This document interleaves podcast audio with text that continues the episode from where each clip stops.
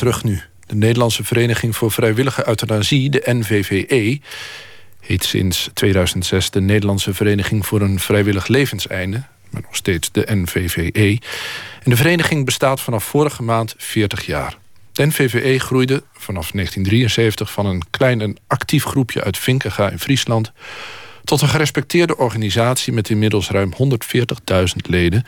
en een kantoor in Amsterdam. De doelstelling bleef al die jaren hetzelfde. Strijd voeren om een waardig sterven voor iedereen bereikbaar te maken.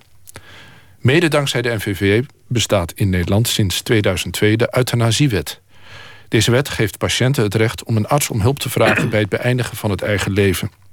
De arts mag daarop ingaan als er sprake is van ondraaglijk en uitzichtloos lijden. Vandaag in OVT het eerste deel van een tweeluik van Michal Citroen...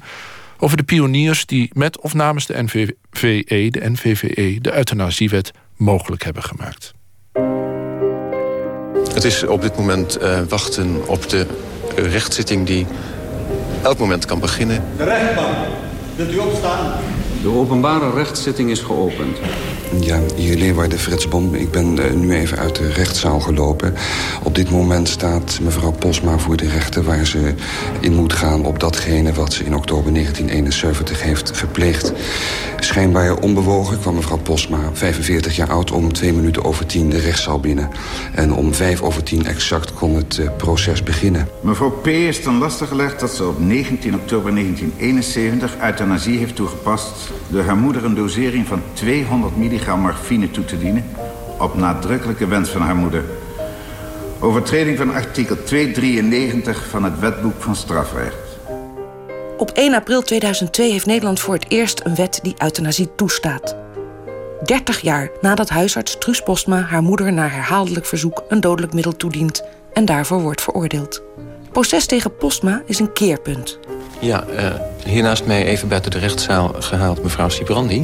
En mevrouw Sibrandi is die mevrouw die die handtekeningenactie op gang heeft gebracht... toen deze zaak aan het rollen kwam. Die actie is uitgemond nu in een werkgroep. En die werkgroep mondt binnenkort uit in een vereniging... en dat wordt dan de Vereniging voor Vrijwillige Euthanasie. Zodra in november 1972 via de Telegraaf uitlekt... dat er een gerechtelijk onderzoek komt naar de huisarts... barst de publiciteit over euthanasie los in binnen- en buitenland. Ik zal het even herhalen voor alle luisteraars die daar belangstelling voor hebben. Nederlandse werkgroep Vrijwillige Euthanasie. Zuiderweg 42, Vinkega, Post Noordwolde. De inwoners van het socialistische Friese Noordwolde... hebben vertrouwen in het echtpaar Postma... en steunen hun huisarts in de strijd met justitie. Maar Klazien Sibrandi gaat verder dan emotionele steun... en grijpt de kans het maatschappelijke debat aan te zwengelen. De oproep om handtekeningen is een actie tegen de vaagheid die nu nog heerst, gepaard gaande met een wetgeving van de vorige eeuw die moet worden opgeruimd. De postma's waren uh, onze huisartsen. En toen er een stuk in de krant verscheen dat er in Friesland een arts vervolgd zou worden voor vrijwillige euthanasie of gewoon euthanasie. Uh, toen hebben wij een handtekeningenactie voor hen ontketend. En in ons optimisme dachten we nou, als er nou eens honderd mensen komen, dus een paar velletjes en uh, daarboven van ondergetekende verklaart dat hij het eens is met de handelwijze van onze huisarts enzovoort. Nou, dat waren zo ontzettend veel. We begonnen s morgens om tien uur en s'avonds om tien uur waren we nog niet klaar. Want het was op de televisie gekomen om zeven uur, dus er kwam een hele toestroom nog achteraan. Dus het bleef nog weken en weken doorgaan. En het waren allemaal handtekeningen die dus gebracht werden in een griepperiode vlak voor de kerst dus mensen hadden ook wel wat anders aan hun hoofd, maar ze vonden het de moeite waard. Voor- en tegenstanders komen overal aan het woord. De medische stand, de politiek en de kerk mengt zich in de strijd om mensen het recht te geven te mogen vragen om een zachte en menswaardige dood. En om de strijd dokters de mogelijkheid te geven aan zo'n wens tegemoet te komen, zonder angst voor de juridische gevolgen. Het hele dorp liep uit om die handtekeningen te brengen voor de postma's. Maar er werd niemand eigenlijk lid van die vereniging. Want ze dachten, nou, dat is voor ons niet nodig. Wij hebben zo'n arts. Die helpt wel. dus ik heb geloof ik twee of drie mensen gehad in het dorp die lid werden. Maar de rest niet hoor. Dat was echt, echt heel stil. En er werd heel weinig over gepraat. Want ik weet wel, sommige kranten, de Telegraaf voer op. Die hadden toen er sprake was dat ik dan mensen geholpen zou hebben Hele grote kop op de voorpagina. Waarom hielp het echtpaar Sibrandi mijn man de dood in? Er is niet één die ook maar iets gezegd heeft of... God, wat rot voor jullie, heb je dat gelezen? Niemand. Helemaal niet. Ja, de postmas natuurlijk wel. Die, uh, ja, god, die hebben, er, die hebben er echt een boel steun aan gehad dat we dat, dat deden. Vooral in die beginperiode. Toen zij dan van hun advocaat eigenlijk niet in de publiciteit mochten treden enzovoort. Nou konden ze dat gewoon naar Vinken gaan delegeren. Dus ik heb heel veel dingen. Uh, ja, je kreeg ook de roddelpers hè, uit Duitsland. En uh, nou, die wilden we geld geven. Als ik dan vertelde waar mevrouw Postma haar moeder begraven was. En, toen de postma's terecht stonden, of Truus Postma terecht stond... toen stond er ook een meneer met een heel groot bord van... Uh, euthanasie is moord. Een brief aan de NVWE, maart 1975. Dames en heren, hierbij geef ik mij op als lid van uw vereniging. Wilt u mijn testament toesturen? Volgens mij is het niet de bedoeling van onze lieve Heer om de mensen zo te laten lijden. Ik heb bewondering voor de vrouwelijke arts die haar moeder een nog langer lijden heeft bespaard. Hoogachtend. Vooral in kringen van artsen wordt de rechtszaak van Postma gezien als een proefproces. Medische vooruitgang dringt verder door in het schemergebied tussen leven en dood en er is behoefte aan nieuwe regels. En het is de vraag of die regels in de rechtbank moeten worden vastgesteld. Eugène Sutorius is de advocaat die in de jaren 80 en 90 artsen verdedigt die strafrechtelijk worden vervolgd. Volgens Sutorius, inmiddels hoogleraar strafrecht en jarenlang voorzitter van de NVVE, is de uiteindelijke wet juist via die strafzaken tot stand gekomen. We hadden toen nog geen normen.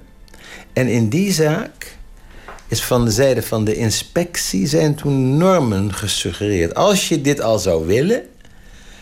Dit was dus een dochter en een moeder. En het was ook niet echt een euthanasie zoals wij dat nu zouden goed vinden. Maar dan, moet je het doen onder een aantal voorwaarden van zorgvuldigheid. Je had ook de zaak Wertheim, niet veel daarna, niet lang daarna. Hele oude zaken die, niet verder dan de rechtbank kwamen, die niet naar de Hoge Raad doorgegaan zijn. Maar die wel degelijk de activiteit van de rechter lieten zien om te zoeken naar mogelijkheden waaronder het wel straffeloos zou kunnen blijven. Dat was in dit geval dus niet zo. Er was geen consultatie, er waren geen andere dokters. Het, was, uh, ja, het was echt het allereerste begin. Iemand deed dat vanuit zijn hart voor zijn moeder, voor haar moeder. En de normen hadden we toen nog niet en hebben zich, zijn geleidelijk aan ontwikkeld dat er sprake moet zijn van ondraaglijk en uitzichtloos lijden en een competent verzoek en consultatie door een andere arts en dan nog een aantal dingen. Die hadden we niet. Een brief aan de NVVE, april 1975. Geachte meneer, Gaarne zouden we wat gegevens over euthanasie willen ontvangen. Dat levenstestament, is dat dan voldoende als we dat zelf getekend hebben? Wij gaan al vier jaar naar een verpleegtehuis waar mijn zuster wordt verpleegd. Ze is aan één kant verlamd en geestelijk gestoord.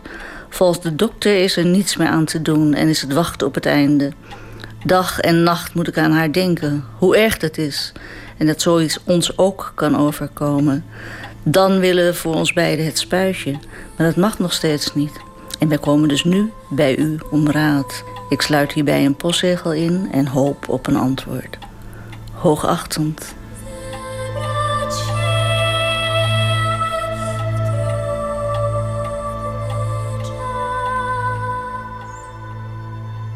Een andere baanbreker op het gebied van stervensbegeleiding en euthanasie is de anesthesist Piet Admiraal.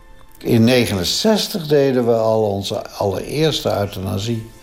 In 72 promoveerde ik en had ik als stelling dat euthanasie een onderdeel van uh, pijnbestrijding bij kankerpatiënten zou kunnen zijn.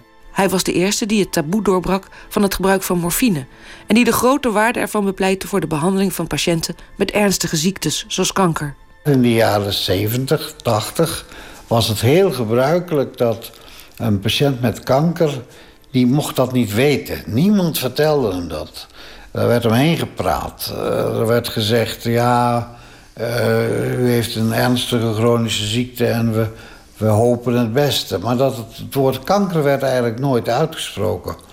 En men vreesde dat als je dan een dergelijke patiënt met morfine ging behandelen... dat hij wel begreep dat hij kanker had, want dat ze anders geen morfine zouden geven.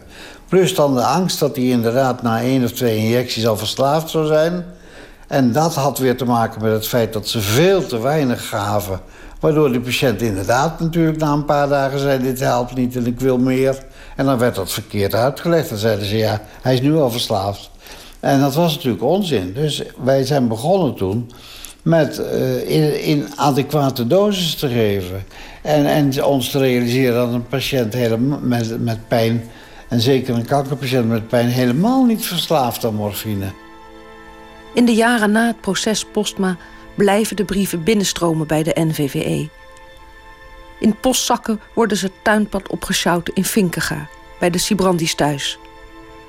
Brieven die vragen om hulp en steunbetuigingen, niet alleen van patiënten en hun familie, maar ook van artsen, medestudenten, zelfs enkele theologen en verpleegkundigen. December 1975. Dames en heren, ik heb met aandacht de zaak van de dokters uit Leeuwarden gevolgd. Ik kan mij volledig de toestand van deze dochter tegenover haar moeder indenken en begrijpen. De uitspraak van de rechtbank heeft aangetoond dat er in de wereld van de heren doktoren iets mis is. Hoeveel doktoren hebben anoniem bevestigd dat ze euthanasie hebben toegepast? Ondervinding heb ik genoeg, omdat ik jaren verpleegster ben geweest. Als men de patiënten ziet die hun vlees van het lichaam weg hebben rotten... en kreunen van de pijn terwijl ze om de twee à drie uur een verdoving krijgen... dan vraagt men af, is dat niet eerder martelen dan verlichten? Ik kan over deze zaken veel schrijven, maar wat voor nut heeft het? Daarmee hebben we de vrijwillige euthanasie nog niet van de grond. Daar zal misschien nog 50 of 75 jaar voor nodig zijn. Ik wil hiermee enkel bewijzen dat ik voor vrijwillige euthanasie ben. U beleeft dankend voor de aandacht.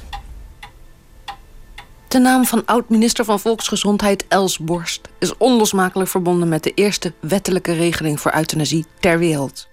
Wij hadden echt als D66 het verlangen om te zorgen dat er een wet zou komen die de arts straffeloos zou verklaren als hij zich aan de zorgvuldigheidscriteria hield. Haar opvatting over een menswaardig levenseinde lijkt al te zijn gevormd tijdens haar artsenopleiding. Kijk, artsen hadden toen ook al de opvatting... wij willen niet graag falen. Als je zei, u heeft kanker, dan was het zo'n beetje... nou ja, dan heeft u ook niks meer aan mij, dan kan ik toch niet genezen. Dus je moest altijd zorgen dat je een diagnose vertelde... waardoor het net leek of jij nog wat voor die mensen doen kon. Het gevolg was dat mensen overleden zonder dat ze zelf het hadden zien aankomen, zonder dat de familie het had zien aankomen. Er kon geen afscheid worden genomen. Ik herinner me een jonge vrouw met de ziekte van Hodgkin, waarvan zij en de man dachten: dit is een, een hele akelige klierontsteking, maar dat komt wel weer goed. En op een gegeven moment overlijdt ze op zaal. En die man was totaal van de wereld. Die zei: Dit, dit kan toch niet? Dit, dit, dit, niemand heeft me hierop voorbereid. We hebben niet eens iets tegen elkaar kunnen zeggen nog daarover. Nou, dus daar waren wij ook als medestudenten ook verontwaardigd over. Wij dachten, wat is dat voor poppenkast? Want wij waren natuurlijk van een volgende generatie. Wij waren al een beetje meer van... een beetje openlijk met alles omgaan.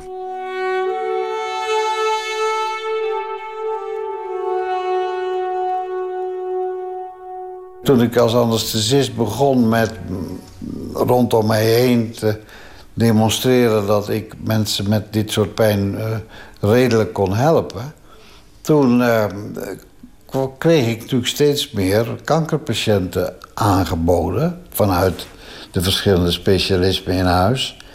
En um, toen kon ik me dus ook met de psychologie van, van deze mensen gaan bezighouden. En al heel gauw ontstond er toen iets wat men in die tijd al terminale begeleiding ging noemen. Namelijk dat je een kankerpatiënt vanaf het moment dat je weet dat hij moet gaan sterven, dat je die begeleidt tot, tot en met de dood. En eh, wij kwamen al heel gauw tot het inzicht dat er vormen van, van lijden zijn die zo ondraaglijk zijn, die eigenlijk ook niks met pijn meer te maken hebben, maar die met hele andere dingen te maken hebben bij kankerpatiënten. Zoals bijvoorbeeld eh, het feit dat eh, een hele hoop kankerpatiënten hun leven niet meer menswaardig vinden. En dat je die niet met pijnmiddelen kon bestrijden... dat je daar wat anders voor nodig had. En toen groeide dus uh, heel snel het besef bij ons allemaal... dat wilde je deze mensen echt aan het eind van hun leven helpen... dan moest je dat uh, bespoedigen door de dood te laten intreden... door iets te geven waardoor ze uh, sneller overleden.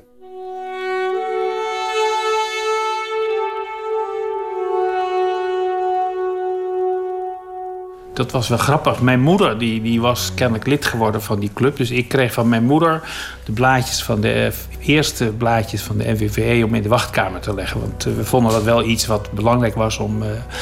dus ik, ik wist er wel van af. Maar anders dan wat ik in de praktijk kreeg, was ik er nog niet structureel mee bezig. Rob Jonquière werd in 1999 directeur van de NVVE. Vijf dagen na zijn aanstelling diende het kabinet Kok II het wetsontwerp euthanasie in bij de Tweede Kamer. Tijdens de parlementaire behandeling van de euthanasiewet voerde Jonquière ook namens de NVVE het woord. De eerste keer dat ik echt keihard mee werd geconfronteerd, was het iemand die gewoon vanuit een verpleegkundige uh, met een, uh, een borstkanker eindstadium en die zei: Ja, luister eens, ik wil het niet allemaal meemaken. En uh, ben jij bereid om mij te helpen? En daar kon ik toen met de gewone huiver en bedenking kon ik daar gewoon ja op zeggen. En dat heb ik ook gedaan. In 1972 begon hij als huisarts in Hengelo. Toen wist hij nog weinig van euthanasie. Want tijdens zijn opleiding was hem daarover niks geleerd. Ja, het gekke is dat ik heb. Uh, ik, ik wist dat het juridisch ingewikkeld was. Ik wist dat het niet mocht eigenlijk. Ik wist aan de andere kant ook dat, uh, dat er altijd artsen waren die wel wat deden. Uh, en ik had alleen een, het, rare idee dat ik dat kon doen door, door met morfine te behandelen. Dat was toen het bekende verhaal.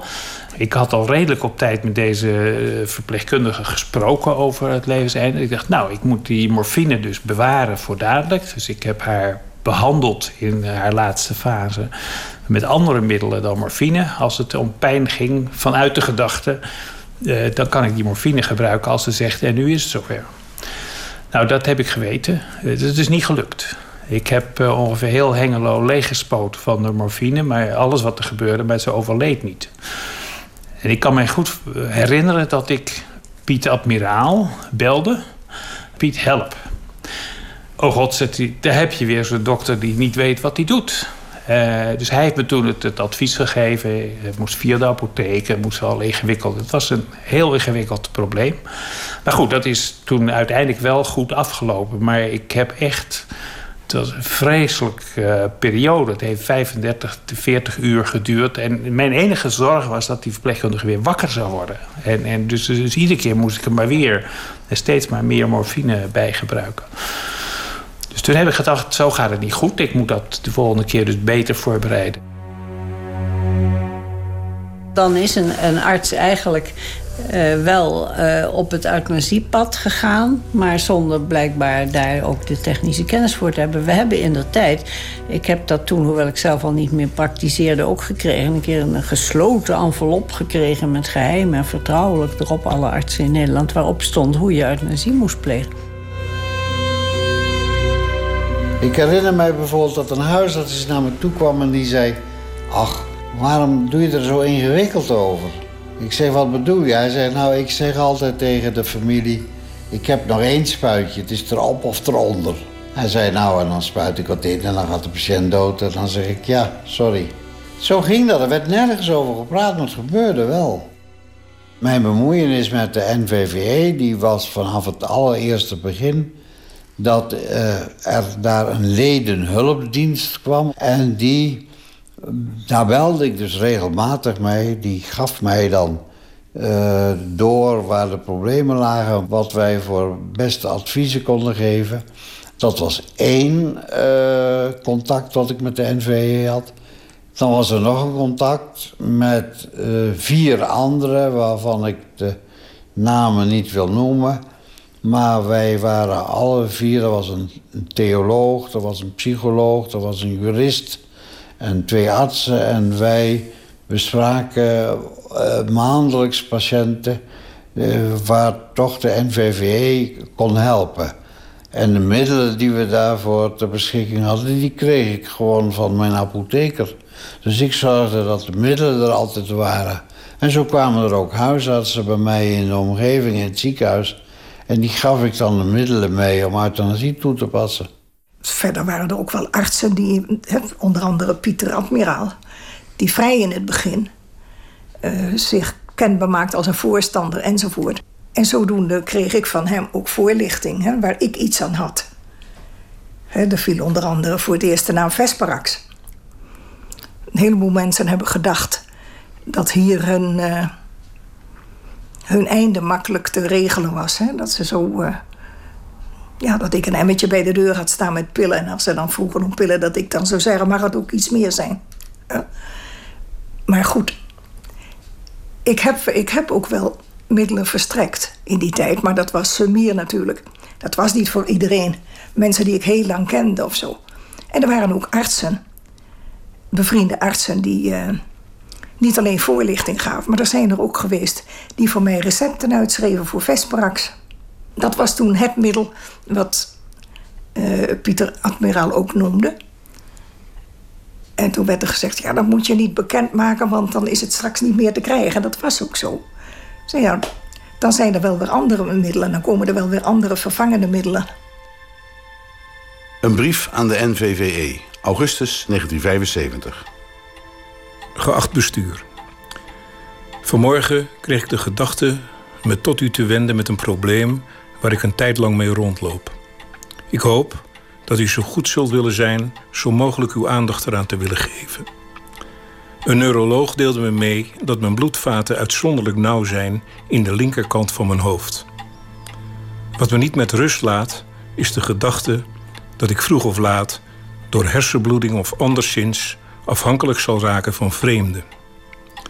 Wat mij nu enorme rust en ontspanning zou geven, is het in bezit hebben van de mogelijkheid op mezelf euthanasie toe te passen, zodra de nood dringt. Dan graag zou ik willen beschikken over een middel om te zijner tijd mijn bestaan te kunnen beëindigen, liefst in een makkelijk toe te passen vorm.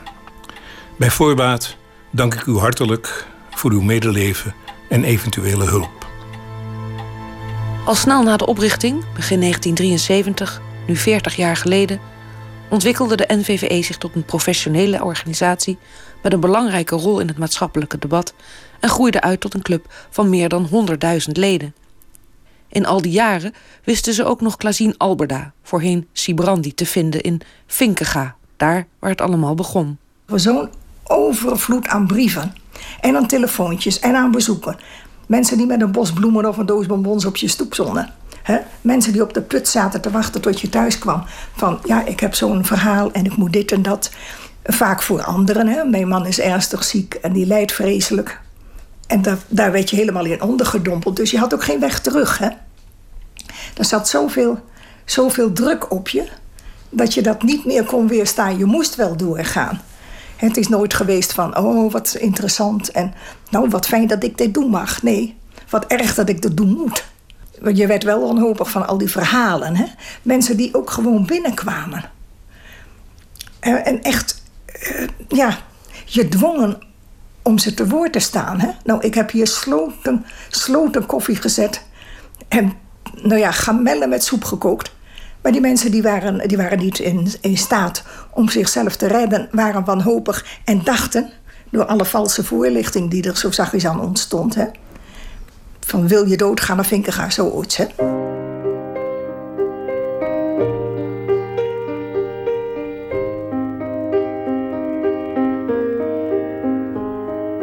Wat ik ben gaan doen is vanaf die jaren, dus in de jaren 70 en 80, honderden lezingen in Nederland uh, te gaan houden.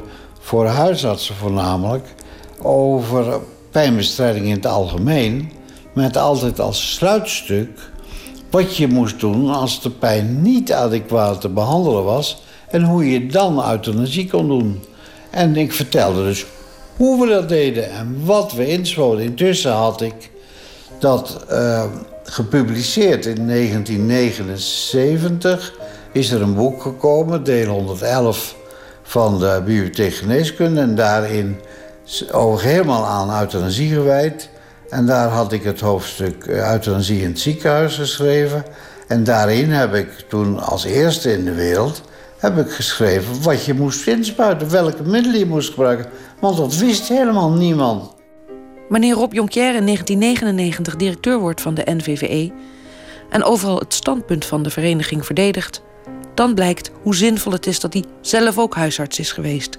Hij kan er namelijk over meepraten. Toen heb ik het dus nog een keer gedaan. Uh, ook weer een hoofdwijkverpleegkundige die, uh, die dat vroeg. die heb ik begeleid.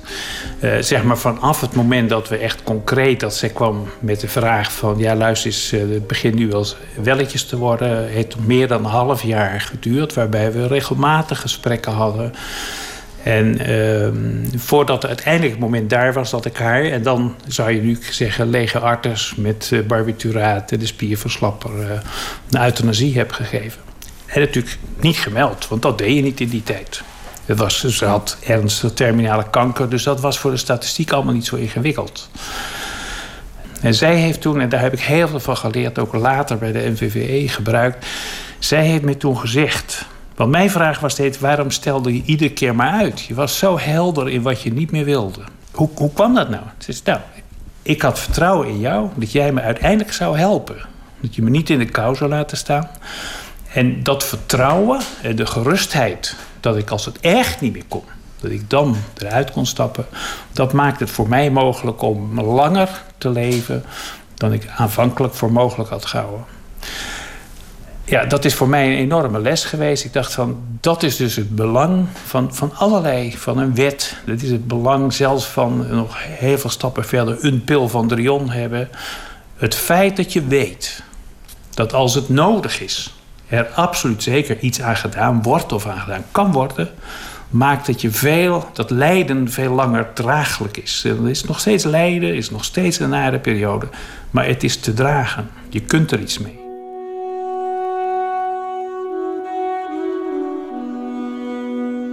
Volgens advocaat en strafrecht-hoogleraar Eugène Sutorius waren alle rechtszaken tegen artsen in aanloop naar de wet in 2002 heel akelig voor alle betrokken artsen, maar onmisbaar.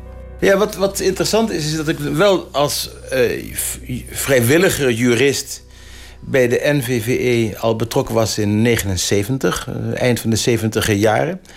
Maar dat het pas goed begon te leven voor me toen uh, zich een dokter bij mij meldde op mijn kantoor in Arnhem, Piet Schoonheim uit Purmerend, huisarts Purmerend, die kwam en die zei, toen ik hem vroeg waarvoor hij kwam, van ik heb een vrouw gedood en dat was euthanasie.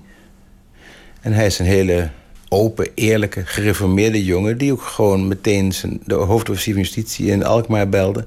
en zei, dat heb ik gedaan, het zal wel niet goed zijn... maar dit heb ik, eh, zij heeft mij overtuigd. En ik vroeg waarom hij kwam. Toen ja, je, je verdedigt kennelijk overtuigingsdaders nogal. Krakers, stakers, dienstweigeraars en dat soort volk. En ik ben er ook een. Ik ben een dokter weliswaar. Maar ik heb uit overtuiging deze vrouw geholpen. Het was een uh, volstrekt goede zaak. En we zien wel wat er van komt. Hij was dus heel principieel en heel open. En dat werd uiteindelijk werd dat de zaak die de euthanasie via de Hoge Raad heeft gelegaliseerd. Wij hadden zelf een formulier ontworpen in ons ziekenhuis om het te melden. Het werd nergens misschien nog gedaan op dat moment. Nou ja, als het al gedaan werd, was het altijd stiekem. Maar wij deden het natuurlijk in wezen ook al heel lang stiekem. Nou ja, stiekem, wat heet stiekem? Je meldt het niet, laat ik het zo zeggen. We deden het, vertelden dat we deden, maar we melden het niet. Ik wist eigenlijk euthanasie. Echt niet. Ik vond het leuk dat hij bij mij kwam omdat ik overtuigingsdaders verdedigde met dokters en euthanasie. Ik moest leren, ik moest lezen. Ik was bij de NVVE een vrijwilliger als jurist. Ik, deed, ik ontwikkelde protocollen, dus ik was wel bezig. Maar hoe je dat juridisch dan gaat vormgeven, daar heb ik wel over nagedacht. Van, moet het via de overmacht? Moet het via het conflict van plichten? Moeten we niet gewoon het via de uitleg van het begrip eerbied voor het leven doen? Is, het eerbied voor, is, is iemand euthanasie geven niet verhoogde eerbied voor het leven in plaats van schending daarvan? Er waren allerlei mogelijkheden om dat juridisch uit te zoeken. Je kon ook zeggen, dit is niet wederrechtelijk. Want het is toestemming van de patiënt. Die heeft erom gevraagd. En dat maakt dat de strafbaarheid misschien wel van dit delict... voor deze professionele problematiek binnen de artsen... helemaal dit oude artikel uit 19... wat was het? Oh, nee, 1887 of zo is daar helemaal niet voor geschreven. Ik had heel veel mogelijkheden juridisch om de rechters te overtuigen dat het anders moest. Dat het niet wederrechtelijk was, dat er geen schuld was. Dat je het zo anders kunt interpreteren, de wet. want dit artikel, euthanasie, is erin gekomen omdat in 1855 of zo een zekere Jan Slotboom het leven had genomen op verzoek van een depressieve bakkersdochter die ongewenst zwanger was. Aan de NVVE, juni 1977. Geachte heren, ons levenstestament ingesloten, doe ik ons probleem aan u voorleggen. Eind 76 werd mijn man geopereerd. Na vreselijke maanden met pijn en hoop op herstel en op uitdrukkelijk verzoek van mijn man om de waarheid kwam het woord kanker. Uitzaaiingen in de darmen en nog zes à zeven maanden te leven. Mijn man heeft de dokter gesmeekt om er na enige weken een eind aan te maken. Geweigerd. Nu is hij sinds maandag in honger en doorstaking gegaan. Want hij heeft in het ziekenhuis opgevangen dat hij dan nog maar enige weken te leven heeft. Nu is hij erg opstandig en raakt door de onwil verder te gaan zijn geestelijk vermogens kwijt. Nu de vraag: wat voor rechten heeft hij met zijn levenstestament? Ik hoop dat ik spoedig een antwoord van u tegemoet kan zien. Hoogachtend.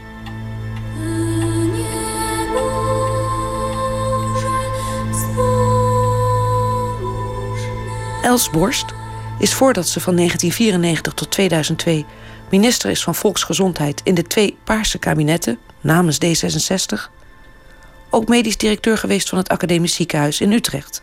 Ben ik geloof ik in 79 geworden. Uh, in 1983 of 1984, toen is het voor mij gaan spelen. Want toen kwamen er verpleegkundigen bij mij als medisch directeur. En die kwamen mij vertellen dat er in het ziekenhuis uh, actieve levensbeëindiging werd toegepast. Soms bij een patiënt op verzoek van die patiënt. Maar dat dat, omdat dat allemaal niet mocht in die tijd, ook een beetje stiekem gebeurde. En zij moesten daar soms toch bij assisteren, dus de injectie klaarmaken enzovoort. En zij hadden het daar moeilijk mee. En zij wilden daar eens met mij over spreken. Uh, ik heb toen met uh, twee artsen, waarvan zij ook de naam noemden... en die dat ook goed vonden dat die hun naam genoemd werd... heb ik dat eens even besproken. En toen dacht ik, ja, wat zij doen is, uh, is, is heel goed. Daar sta ik eigenlijk ook helemaal achter. Als persoon. En ik vind dat wij dat in dit ziekenhuis dan ook open moeten gaan doen. En niet meer stiekem. Wij gaan dus gewoon, als het aan mij ligt, een euthanasiebeleid voeren en dat ook bekendmaken. Als je een wet hebt van, van meer dan 100 jaar oud, en dan moet je niet. Ja, dus mensen, mensen zeiden toen ook ja, maar we moeten wachten tot die wet veranderd is. Ik zei, we moeten niet wachten. We moeten hem overtreden. En als we dat massaal doen en niet een enkeling, dan wordt die ook gewijzigd. En ik heb altijd vanaf het begin geroepen: als we het nu, nu we de kans krijgen, het niet wijzigen, die wet niet wijzigen, op fatsoenlijke gronden, dan wordt die straks gewoon, dan gaan de kosten en de baten meetellen. En dan is het zo van, ja, hoeveel kost die patiënt? Ik zeg, dan hangt er, dan hangt er aan de teen van een overledene niet een, een velletje met zijn naam, maar, maar een velletje met de kosten, een kaartje met de kosten. Ik zeg, dan, hebben we dan zijn we te laat. Nou, dat riep ik dus 40 jaar geleden.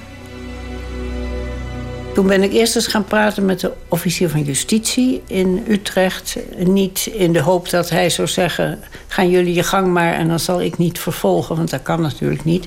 Maar ik wilde hem toch wel uh, ja, deelgenoot maken van, van onze vragen. En hij zei op een gegeven moment want toen was het, in, was het inmiddels 1984 en lagen er de zorgvuldigheidscriteria van de KNMG, van de artsorganisatie.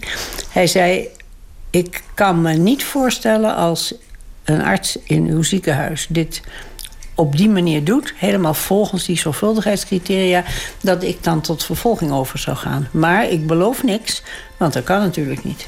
Ik zal het geval van geval tot geval moeten bekijken. Een brief aan de NVWE, maart 1978. Geacht bestuur, wilt u mij inschrijven als lid van de NVVE? Waarom ik mij opgeef als lid van uw organisatie? Mijn vrouw heeft kanker en heeft veel pijn. Ik heb onze huisarts gevraagd om haar uit haar lijden te helpen. Dat weigerde hij, want dat kon hij niet door zijn geweten. Of ik al zei dat ze naar de dood verlangde, het mocht niet baten.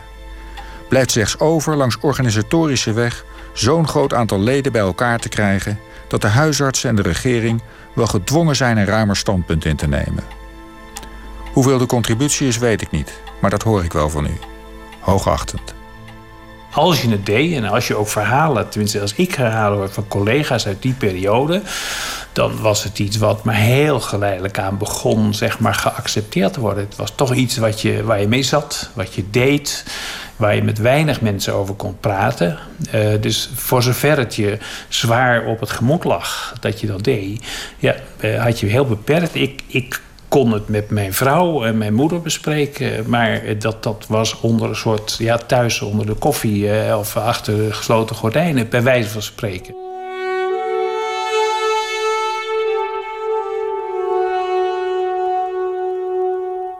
Niet dat ik er per se eh, niet mee te koop wilde lopen, maar ja, waar ik, ik ging daar niet ik heb mezelf ook nooit de dappere dokter genoemd, zoals Schoonheimer 84, die, uh, die naar de, officier liep en Ik heb het gedaan en vervolg me nu maar. Ik dacht al even: ja, ik zorg goed voor mijn patiënten en ik zorg dat ze op een goede manier, uh, op hun goede manier doodgaan. En dat is waar het om gaat.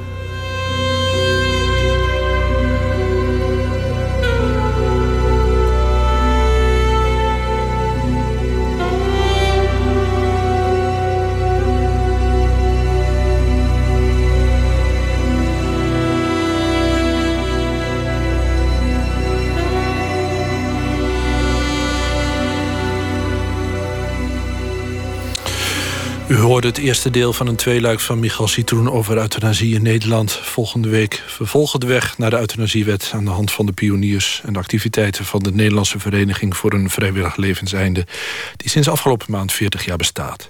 Met dank aan Sebastian Hatting van de NVVE.